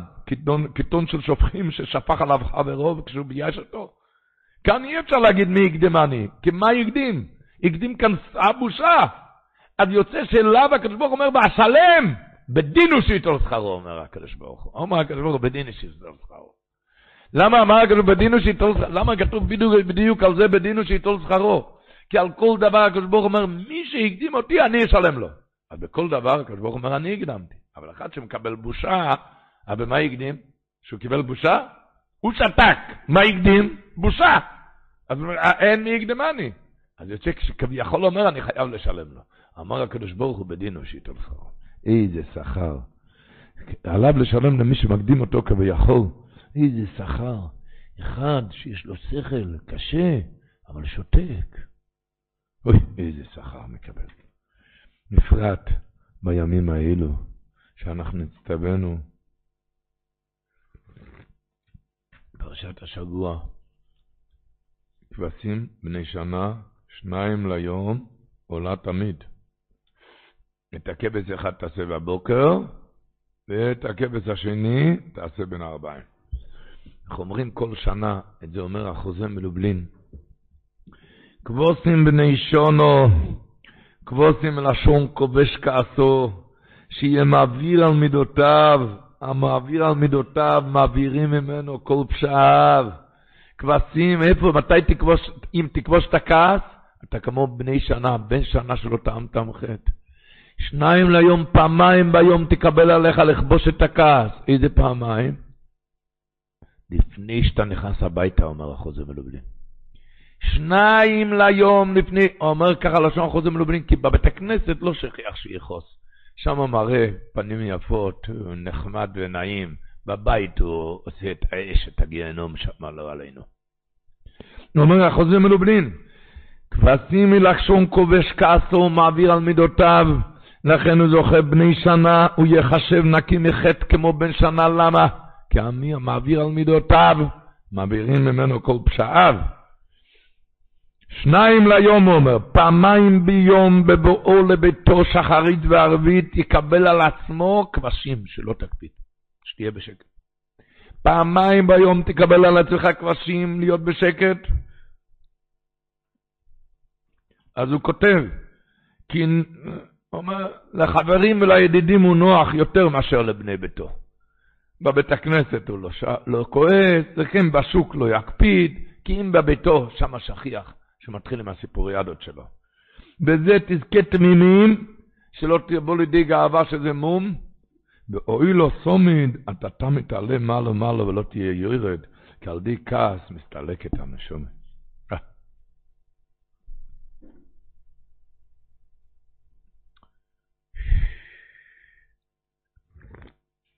כתוב, הזכרנו כאן את המדרש. אומר הקדוש ברוך הוא, בדינו שייטול שכרו. אז דיברנו, למה בדיוק כאן הקדוש ברוך הוא אומר בדינו שייטול שכרו? ועוד קשה, כי אנחנו הלא יודעים ששכר מצווה באי עלמה, לקו. אז איך כאן כתוב, אומר הקדוש ברוך הוא בדינו שייטול שכרו? אומר המשך חוכמה, ועוד הרבה ספרים אומרים, תקשיבו טוב. פרחוס, עם הקנאוס שלו, הוא תיקן גם כלפי שמאי וגם כלפי כלל ישראל. אנחנו נקרא מחר בבוקר, פרחס אלעזר, אישי וסחמוסים על בני ישראל. איזה מצווה, קידוש השם. תיקן בזה את הפגם של החילול השם הנורא של די זמרי. ועוד דבר הוא עשה, ולא יחיליצי את בני ישראל בכינוסי, המגפה נעצרה. שכר מצווה באי על מלקה זה רק על מצוות בן אדם למקום. אבל המצוות בן אדם לחברו, אוכלים פירותיהם בעולם הזה, והקרן קיימת לעולם הבא. ככה אומרים כל יום בבוקר. אילו דברים שאדם אוכל פירותיהם בעולם הזה, אלו הם גמילות חסדים. אז פנחס הרי עשה כאן חסד עם כל עם ישראל, שהמגפה נעצרה, לכן בדינו שייטול שכרו, כי שכר של כל מלא חסדים שמקבלים שכר בעולם הזה. כבשים בני שנה. כתוב מהזול לשיצר מגיד בספרו תוירי זוב, הוא כותב כך, היי, הוא מביא את זה בשם רבי יצחק לדרוביצ'ו, שיש אנשים, הוא אומר, שאם אחד פגע בהם וצייר אותם, מחזיקים את הכעס ואת התרומת עד ערב כיפור. ערב כיפור הולך, מתפייס. זה לא דרכה של תורה. דרכה של תורה, כל לילה לפני שאתה עולה על המיטה, תסלח על מי שפגע בך בבוקר. וכל בוקר תסלח למי שפגע בך בלילה. אז הוא אומר ככה בפסוק, כבשים, כבוש אצלך כעס ותרום את בני שנה, כל השנה עד ערב כיפור, לא בסדר. שניים ליום. פעמיים ביום תעשה כמו ערב כיפור. מה? אז הוא מסביר, את הכבש אחד, מה שכבוש אצלך בלב, בלילה תעשה, תעשה מלשון תיקון, ועשתה את ציפורניה. תיקון. תתקן את זה בבוקר. את הכבש השני, כבש השני, מה שכבוש אצלך כל היום, תעשה בין הארבעים לפני המיטה, אז תשלח. היי, היי רבי ישי, רבי ישי, לא להשאיר כעס בלב, זה העניין של הימים האלו. אוי, העניין של הימים האלו, לא להשאיר כעס בלב. הרב מוטרשלוימה בינואר סיפר שהיה, אבא ישראל הגיע לאיזה עיר, והוא כיבד מישהו, מישהו ששום מעלה לא היה אצלו. לא תלמיד חוכם ולא צדיק ולא עשיר ולא גורניש, סתם פסמנדה, והוא הלך וכיבד אותו, ועוד פעם כיבד אותו, ועוד פעם כיבד אותו. אנשי העיר שאלו את אבא ישראל, מה הרב ראה בו? או משהו. אמר גורניש. אבל אמר להם, אתם יודעים שבית המקדש חרב משנאת חינם. מה התיקון לזה? אהבת חינם. אהבת חינם, זה לא נקרא, אם הוא תלמיד חכם, אוהב את התורה. אם אני, הוא צדיק, אוהב צדיקים. אם, אם זה עשיר, רבי מכבד עשירים. אני, אותו לכבד, זה נקרא אהבת חינם, בשביל בחינם. אין לו לא תורה ולא יראה, בגלל שהוא יהודי. אהבת חינם, וככה ייבנה בית המקדש. למה שאני אוהב אותה? למה? למה שאני אוהב אותו? יש לי משהו ממנו? אין לך שום דבר, אהבת חינם. אהבת חינם. אהבת חינם.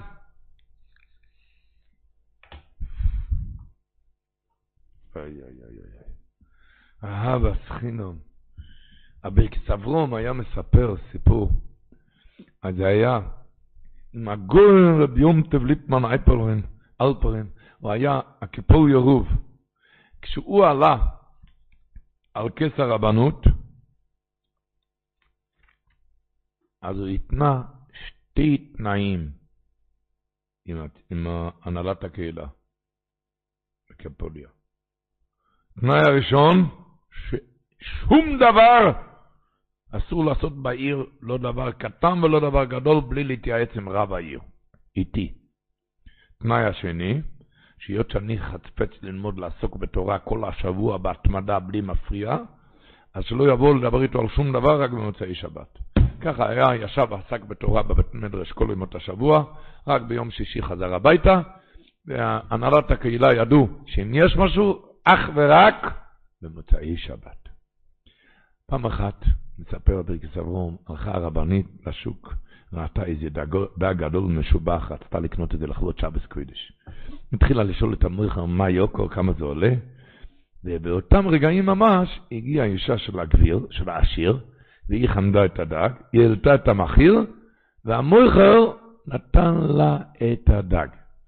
הטענה הרבנית נגדה, שאני הייתי, התחלתי להתעסק על זה, נוסנו עיניה במקח, היא התחילה להתעסק, תפס...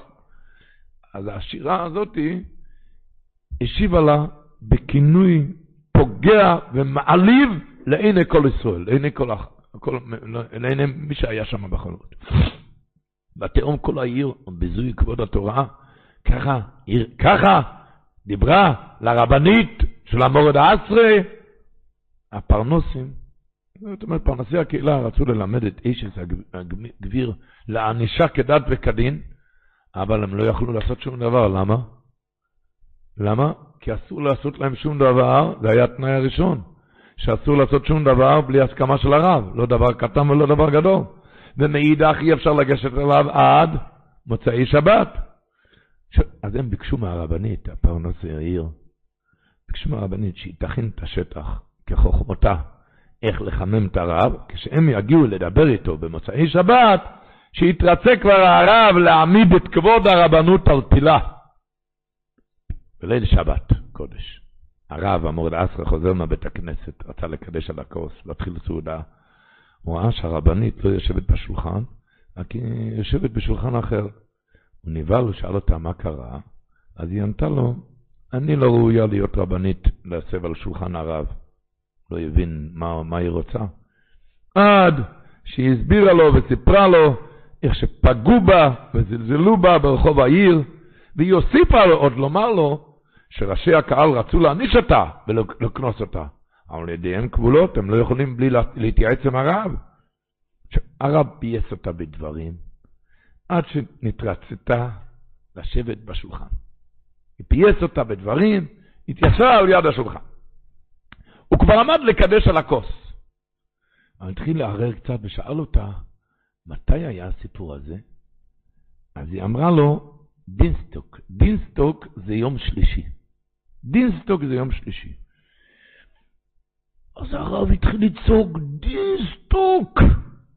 דינסטוק! פין דינסטוק ביז איינטוס דעתינא בלב פיידישע טוכטר!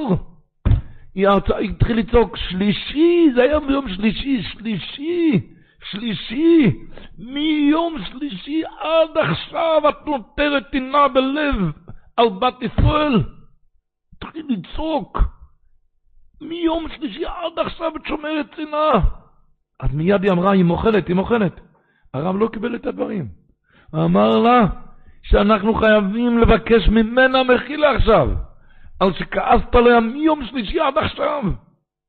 אי אפשר לדחות את הדבר מיד לפני קידוש, הם יצאו לדרך לעשיר הזה. הגיעו לשם, דפקו על הדלת. שאלו בני הבית מי בחצר שם, הרב אמר את השם שלו. אז הם הבינו שהוא בא, הרב בא לצעוק עליהם על הפגיעה באיש חובר, על מה שפגעו בה. הם נבהלו מאוד ונפלו על רגליהם בפחיות ובתחנונים שימחלו להם על הפגיעה ברבנית. אז הרב אמר הפוך, אנחנו באנו לבקש מחילה על הטינס שהיה כבושה בלב מיום שלישי. בתוך כמה דקות התפייסו כל הצדדים וביקשו מחילה זה מזו, זה מזו, ורק אחר כך חזר הרב הביתה לקדש על הכוס. את הסיפור הזה, הבירקס אברום מסלונים זכרנו לברוכה, היה מספר. והיה מתלהב ביותר וצעק באיש קרידש, דין סטוק, דין סטוק. von dir stock bis eint aus der Tine belev auf a jüdische Tochter. hat sie nicht da, so kol השומעים בטיש. ונחקק בקרבם עד כמה אסור לשיר טינה בלב, אפילו כשאתה צודק. כי כאן הרבנית צדקה. אני חושב שבכלל צריכים לשבח את הרבנית, שהיא הלכה עם הרב לבקש שם סליחה. אה? בבית אחר זה לא היה קורה כל כך מהר כאלו דברים. היה קורה עוד סיפורים. אתם מבינים, צריכים לשבח את הרבנית, אבל להבין את המסר. מה זה פון דינסטוק, דינסטוק, דינסטוק, פון דינסטוק bis eint, aus der Tinne Tochter.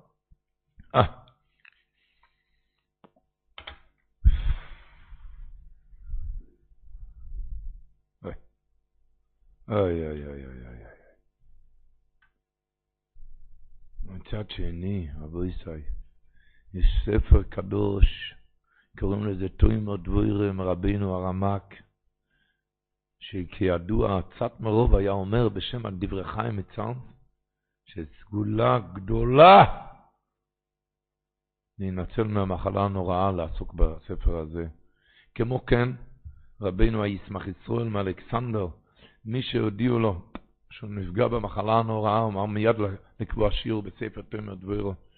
בספר הקדוש הזה, אומרים שרב שלמה לה בובובר, הבובובר רבי הראשון, אמר שהספר הזה עשה אותי לרבי. ומקלם, הסבא מקלם כתוב שתומר דבוירו זה שולחון אורוך של המידס טייבס שנהג בהם האדם. מהשלה הקדוש כתוב, לשון הוראה, כל מי שרגיל בספר הזה ואומר אותו בכל שבוע ובכל חודש, מובטח לוי שהוא בן עולם הבא, ואשרי לוי וטוב לוי. מובטח לו שהוא בן עולם הבא. אז אנחנו נראה איזה שורה אחת, מה שהוא כותב. מאיר דיגזך. אוי אוי. הוא אומר, הרי ידוע שהספר הזה, הוא מדבר שם על הידבק ומדויסов, כמה שצריכים לעשות כמו הקדוש ברוך הוא. אומר, מי אל כמוך? מה זה הקדוש ברוך הוא מלך נעלב, סובל עלבון, מה שלא יחלהו רעיון. אי אפשר להבין את זה. מה? אומר, הרי אין דבר נסתר מהשגחתו בלי ספק. הוא יודע כל מה שאתה עושה. העבירות והמצוות, הוא יודע הכל. עוד דבר, אין רגע שלא יהיה אדם ניזום ומתקיים מכוח העליון השופע עליו. הקדוש ברוך הוא משפיע עליך כל הזמן את החיים. ועם הכוח שהוא משפיע עליך, אתה הלכת וחטאת. ואתה עכשיו באמצע החטא עוד ממשיך לתת לך כוח. היה יכול להגיד לך, רביד, אתה רוצה לחתום מבלעדיי? ומה היה קורה?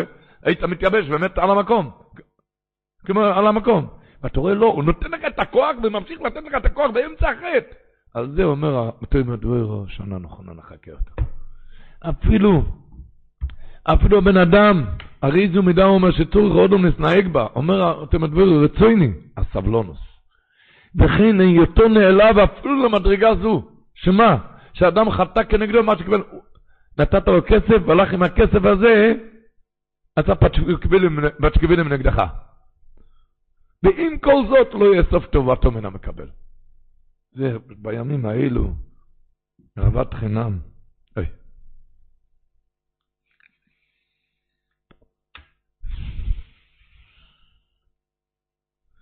ככה אומר, והרי תמצא, אומר התמר דברי, שמעולם לא חטא אדם נגדו, כשבן אדם חוטא, שלא יהיה באותו רגע ממש שופע שפע קיומו תנועת איבריו. ברגע הזה שאתה חוטא, הוא משפיע עליך. קיום ובריאות. הנה היות האדם חוטא בכוח ההוא שאני נותן לו, לא מנוע ממנו כלל, אלא סובל הקדוש ברוך הוא עלבון כזה. להיות משפיע בו כוח תנועת איבריו, הוא משפיע בך כוח תנועת, והוא מוציא אותו כוח באותו רגע בחטא ועוון ומכעיס, והקדוש ברוך הוא סובל. ולא תאמר שאינו יכול למנוע ממנו הטוב ההוא חס ושלום, שהרי בכוחו ברגע כממרא לייבש ידיו ורגליו, כן שעשה לירובעם. ועם כל זאת שהכוח בידו להחזיר הכוח הנשפע הוא, מה היה לו לומר? כיוון שאתה חוטא נגדי, תחטא בשלך, לא בשלי.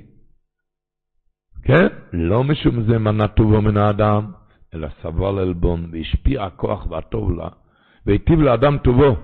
אומר דבוירו, הרי זו מידה שצריך האדם להתנהג בה. רצוני, אומר, רצוני הפירוש הוא כוונתי, הסבלנות.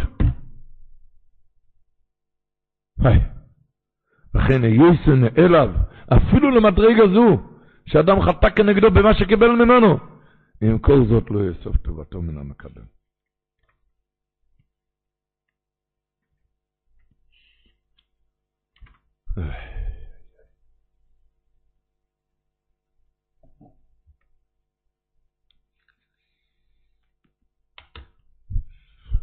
ספר חסידים, סימן רט"ז כתוב, אם ראית רשע ועשיר, המצליח בנכסיו, ובשביל העשירות עושה שילוחים מאוד מאוד יפים, עם אנשים חשובים וגדולים.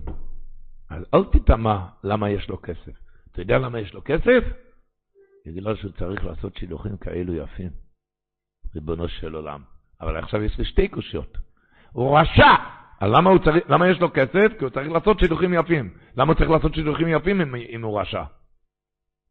שמעו טוב אומר הספר חסידים רבנו יהודה החסיד, רבי יהודה החסיד אומר, כי או שיש לו איזה זכות אבות שבגלל זה הוא צריך לעשות שיתוחים יפים, והרי אף אחד לא ירצה להשתחדך איתו, לכן יש לו כסף, או הוא אומר, או,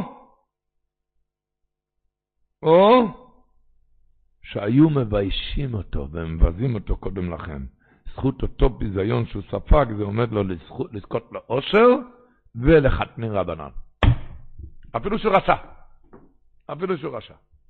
שומעים מה הולך כאן? רשע. הוא ספג ביזיון.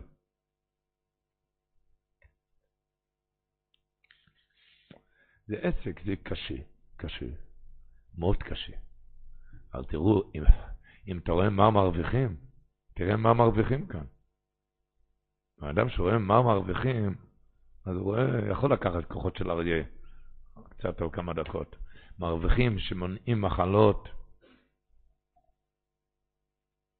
מרוויחים ומרוויחים. אמרנו כבר כמה פעמים את דברי החסם סופר, שהוא אומר בפרשת וארא, שהקדוש ברוך הוא ציווה למשה ואהרון, ש... ויצא בהם על בני ישראל ואל פרעה מלך מצרים. אומר רש"י, ציוום לחלוק לו כבוד בדבריהם. הקדוש ברוך הוא ציווה למשה ואהרון שיחלקו כבוד למי? לפרעה. מה זה? כבוד לפרעה? אומר חתם סופר שורה וחצי. פירוש לפירושו. הזהירם, הקדוש ברוך הוא הזהיר את משה ואהרון, שלא יבזו המלך, לא לבזות את פרעה. למה? למה? כי יתחפרו עוונותיו ולא יבואו עליו מכות בדין. אני כבר לא יוכל להביא עליו עשר מכות. נורא נוראות. פרעה רשע. אתם יודעים, כתוב במדרש שהוא שחט כל יום 300 תינוקות. הוא שחט 300 תינוקות, שיבד 60 ריבו. הקדוש ברוך הוא אומר, אל תבזה אותו, אם תבזה אותו אני לא אוכל להביא עשר מכות. נו, אז כמה מכות יורד מיהודי כשהוא שובתק אחרי בושה? איך רבי חזקאל לוינשטיין היה אומר, בן אדם שעבר בושה ושתק, שידע שאצלו עכשיו מוצאי יום הכיפורים. הוא עכשיו אחרי יום הכיפורים. מסבירים בזה, זה הפירוש במדרש, המדרש אומר שכשדוד המלך שתק, כתוב שימי בן גרו קילל אותו, והוא קיללני קללה נמרצת. ודוד המלך אמר הניחו, כי השם אמר לו כלל. זה לא הוא, זה השם אמר לו כלל. זה הכל מהקדוש ברוך הוא. כתוב במדרש, באותו שעה זכה דוד המלך להיות רגל רביעי מהמרכובו. יודעים מה זה? רגל... מה פירוש באותה שעה? מסביר פשוט. אומר כי באמת לא שייך לבן אדם כאן עם גוף. גשמי יהיה רגל רביעי במרכבה, כאן גשמי, דבר גשמי יכול לעלות, להיות רגל רביעי במרכבה, איך? כשאדם עובר בושה, זה אוזל סימקה ועושה חבר'ה. כל, כל הגשמי יצא עכשיו, הוא נהיה רגל רביעי במרכבה. זה נהיה אצלו יום כיפור. כי הבושות האלו זה שפיכות, נחשב כמו שפיכות דמים.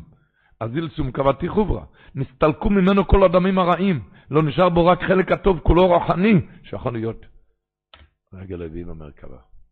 רבו ישי, נסיים עם דבר שזה העיקר שבעיקרים, ובפרט בימים האלו. האור הקדוש אומר, היורצייט שלו, בני סוסחור למשפחו יסום. זה לשון קודשו. מה זה בני למשפחו יסום? למה שקדם לנו, שאנחנו יודעים כי סוסחור הוא בן תוירו. ישראל זכור זה יושב ולומד. רמזה לנו התוירו בשם זה של ישראל זכור. יש שכר, כי דווקא זה ישנו לשכר. רק זה שלומד. וכל חוץ ממנו, כל הדברים חוץ מתרא, מה יתרון לאדם בכל עמלו? שום דבר לא יצא מזה. שום דבר שם, זה לא נשאר. זה לא נשאר. לא נשאר. דווקא זה ישנו לשכר, לכן קוראים לו איסוסחו. כי איסוסחו זה אותיות יש שכר. כי דווקא זה ישנו לשכר. כל חוץ ממנו, מה יתרון לאדם בכל עמלו? והוא שאמרו במסכת ברוכות פרק תפילת השחר, שצריך לברך ביציאתו מבית המדרש, מוד אני לפניך, אני עומד והם עמלים, אני עמל, מקבל שכר, הם עמלים אינם מקבלים שכר. הכל אמר, מה יתרון לאדם בכל עמלו? למה, למה להבל וריק? היי רבותיי, הימים האלו, אומר החוזה מלובלין, שידוע בסעודת ברית מילה, בתשעת הימים, כמה מותר להשתתף לאכול בשר? כמה? בהלכה כתוב עשר. בסימן אורח חיים קנ"א, סעיף י' ברמו. עשר אנשים. סעודת סיום מסכת, אין גבול, אין שיעור. למה? סיום מסכת יותר מברית? אומר, אחוי זה מלובים פשוט. כי כל סיבת החורבן הנורא הייתה רק מאמר הכתוב, על מה עבדה האורץ, על מה עובדו האורץ, ויאמר השם, על עוז ומסתרוסי. יוצא שעסק התורה זה התיגון לחורבן, ולכן הגאולה תהיה על ידי התורה, לכן מותר לכל אחד להשתתף בסיום. לא רק מעשר אנשים. האדמו"ר מבלת וצוקל, זכרון צדיק וקדוש לברכה, היה אומר, שלמה נותנים בשר ויין, מותר בתשעת הימים, בסיום מסכת, כי רצו להורות לעם קודש, שבן אדם יושב על יד דף גמרא, אין חורבן בית המקדש, יש בית המקדש. אז הימים האלו, עיקר התיקון בימים האלו, ללמוד את התורה הקדושה, להתחזק, אומר עבוידס ישראל, כתוב במשנה באובויס פרק בייס משנה י"ד, הוי שוקוד ללמוד תוירו. הוי, כמה זה הוי? עולה כמניין כ"א, על כ"א יומי בין המצרים, בהם יוסיף לשקוד על דלתי התורה. המשיח הקדוש אומר, דבר נורא, לשים טוב ראש למשל הזה. הגמרא אומרת בנדורם מ"א, כבר הזכרנו את זה לפני כן, שכתוב בפסוק, מי הוא איש החוכם ויובן זויס, ואשר דיבר פי השם אליו, ויגידו, על מו עובדו אורץ. אומרת הגימור, דובר זה נשאל לחכמים ולנביאים, ולא פירשו, לא ידעו לפרש. עד שבא הקדוש ברוך הוא ופירש, בכתיב, ויאמר השם על עוזבום אסתרוסי. שואל האלשיך הקודש, אתה מבין כזה דבר? חכומים ונביאים לא ידעו שיש כאן ביטול תורה? חכומים ונביאים לא הבינו, הם לא ידעו שיש כאן, הם לא ראו כאן, בני ישראל עזבו, עזבו את התורה.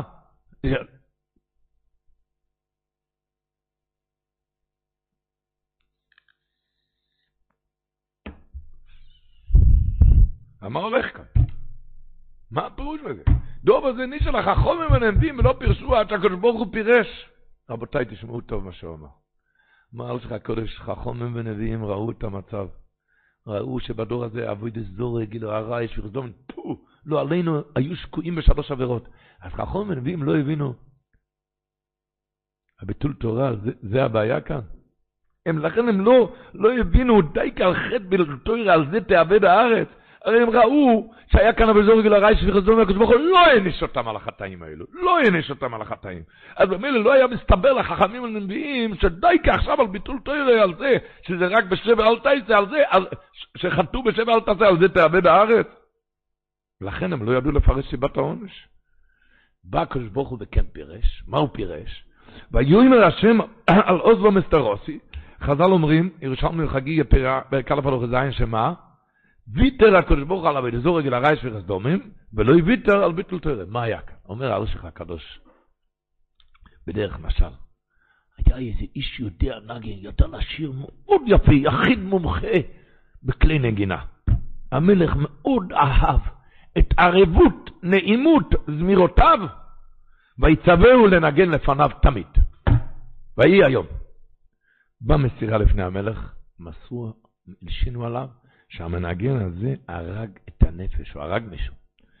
אמר המלך, אל תיגעו בו לרעה, אל תיגעו בו לרעה. שוב באו לספר למלך על רוע, על רוע מעלליו של איש מושחת זה, המלך לא רצה לשמוע עליו שום רעה. ולא רק זה, הוא הזהיר את כל שריו ועבדיו, ישמרו לכם מדבר מטוב עד רע, לא לדבר על הברע. אומר האולשיך הקדוש, עברו ימים ושנים, ובאו לספר למלך שאותו המנגן נקלע לאיזה מריבה עזה רב עם מישהו, ויקם עליו יריבו, הצד השני, זה קצץ את כפו של המנגן אשר אהבת. הצד השני קצץ לו את הכף יד. מיד ציווה המלך לתלות את המנגן על העץ. ותאום כל העיר על המלך, הייתכן כזאת? בשעה ששמע על מעשיו הרעים, עליו ופטר אותו מהעונש. דווקא עכשיו כשהראו לו למנגן, קצצו את ידו, עכשיו נהפך לבם המלך, אמר להורגו? אמר להם המלך, אל תדמו בנפשותיכם שאני מחלתי לו על הפשעים. אני לא מחלתי לו על הפשעים, רק מה? כל זמן שהוא ידע להיטיב את לבבי בניגוניו המשובבים לב ונפש, אז הארכתי אפים לענישו כראוי לו. למה? כי אני רציתי, אהבתי לשמוע מה את הניגונים שלו. אבל ברגע שעכשיו כבר לא יוכל לנגן, למה? כי נקצצה ידו? עכשיו בדינו שייטול שכרו על כל עוונותיו, מיד לתלות אותם. הוא אומר, כי הוא יוצא בדבר, אומר, המשיך הקדוש, כלשון קודשו, הוא אומר, כל הימים אשר הכל כל יעקב שימשך בעסק התורה, עריבה לשם, כשהוא אוהב את הכל תורה, קובע עיתים לתורה, ולכן לא פקד עליו ארצה, הוא לא העניש אותו. אמנם על בבטלו תורת השם, נתבטל ערבות ניגונו, בטלה מלפניו יתברך, כבר אין את השיר. אז עוונותיו ילכדונו וישליך משמיים ארץ תפארת ישראל. זאת אומרת, זה כמו אצל המנגן, כשהוא הפסיק לשיר, כשנקצצה כפו, אז הוא אמר לתלות אותו. אותו דבר, כשנפסקה ביטול תורה, אז על זה עבדה הארץ. את זה החכמים והנביאים לא הבינו. הם לא הבינו, כבר חטאו את כל שלוש עבירות והם לא נענשו, בדיוק על ביטול תורה עכשיו נענשו. התשובה כי כל מה שהיה ביטול, למדו בתורה, זה השיר שהקדוש ברוך הוא אוהב, כי הוא תיתים לתורה. השיר הזה, זה הציל אותם.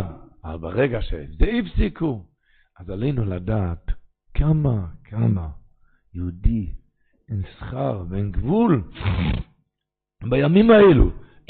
שזה על הזמן התורתי, שבימים האלו אנחנו נשמח את השכינה הקדושה. עם עסק התורה, עם לימוד התורה. החופץ חיים מביא בשם ספר תולדות יהושע, שכתוב במשנה, אם עמלת בתורה, יש לו שכר, הרבה ליתן לך. אם בטלת מן התורה, יש בטלים הרבה כנגדך. מה זה הרבה? הרבה. מה זה הרבה? אם עמלת בתורה, יש לו שכר הרבה. אם בטלת מן התורה, יש בטלים הרבה. מה זה הרבה? אז הוא מביא לחפץ חיים שם ספר תולדות יהושע כך.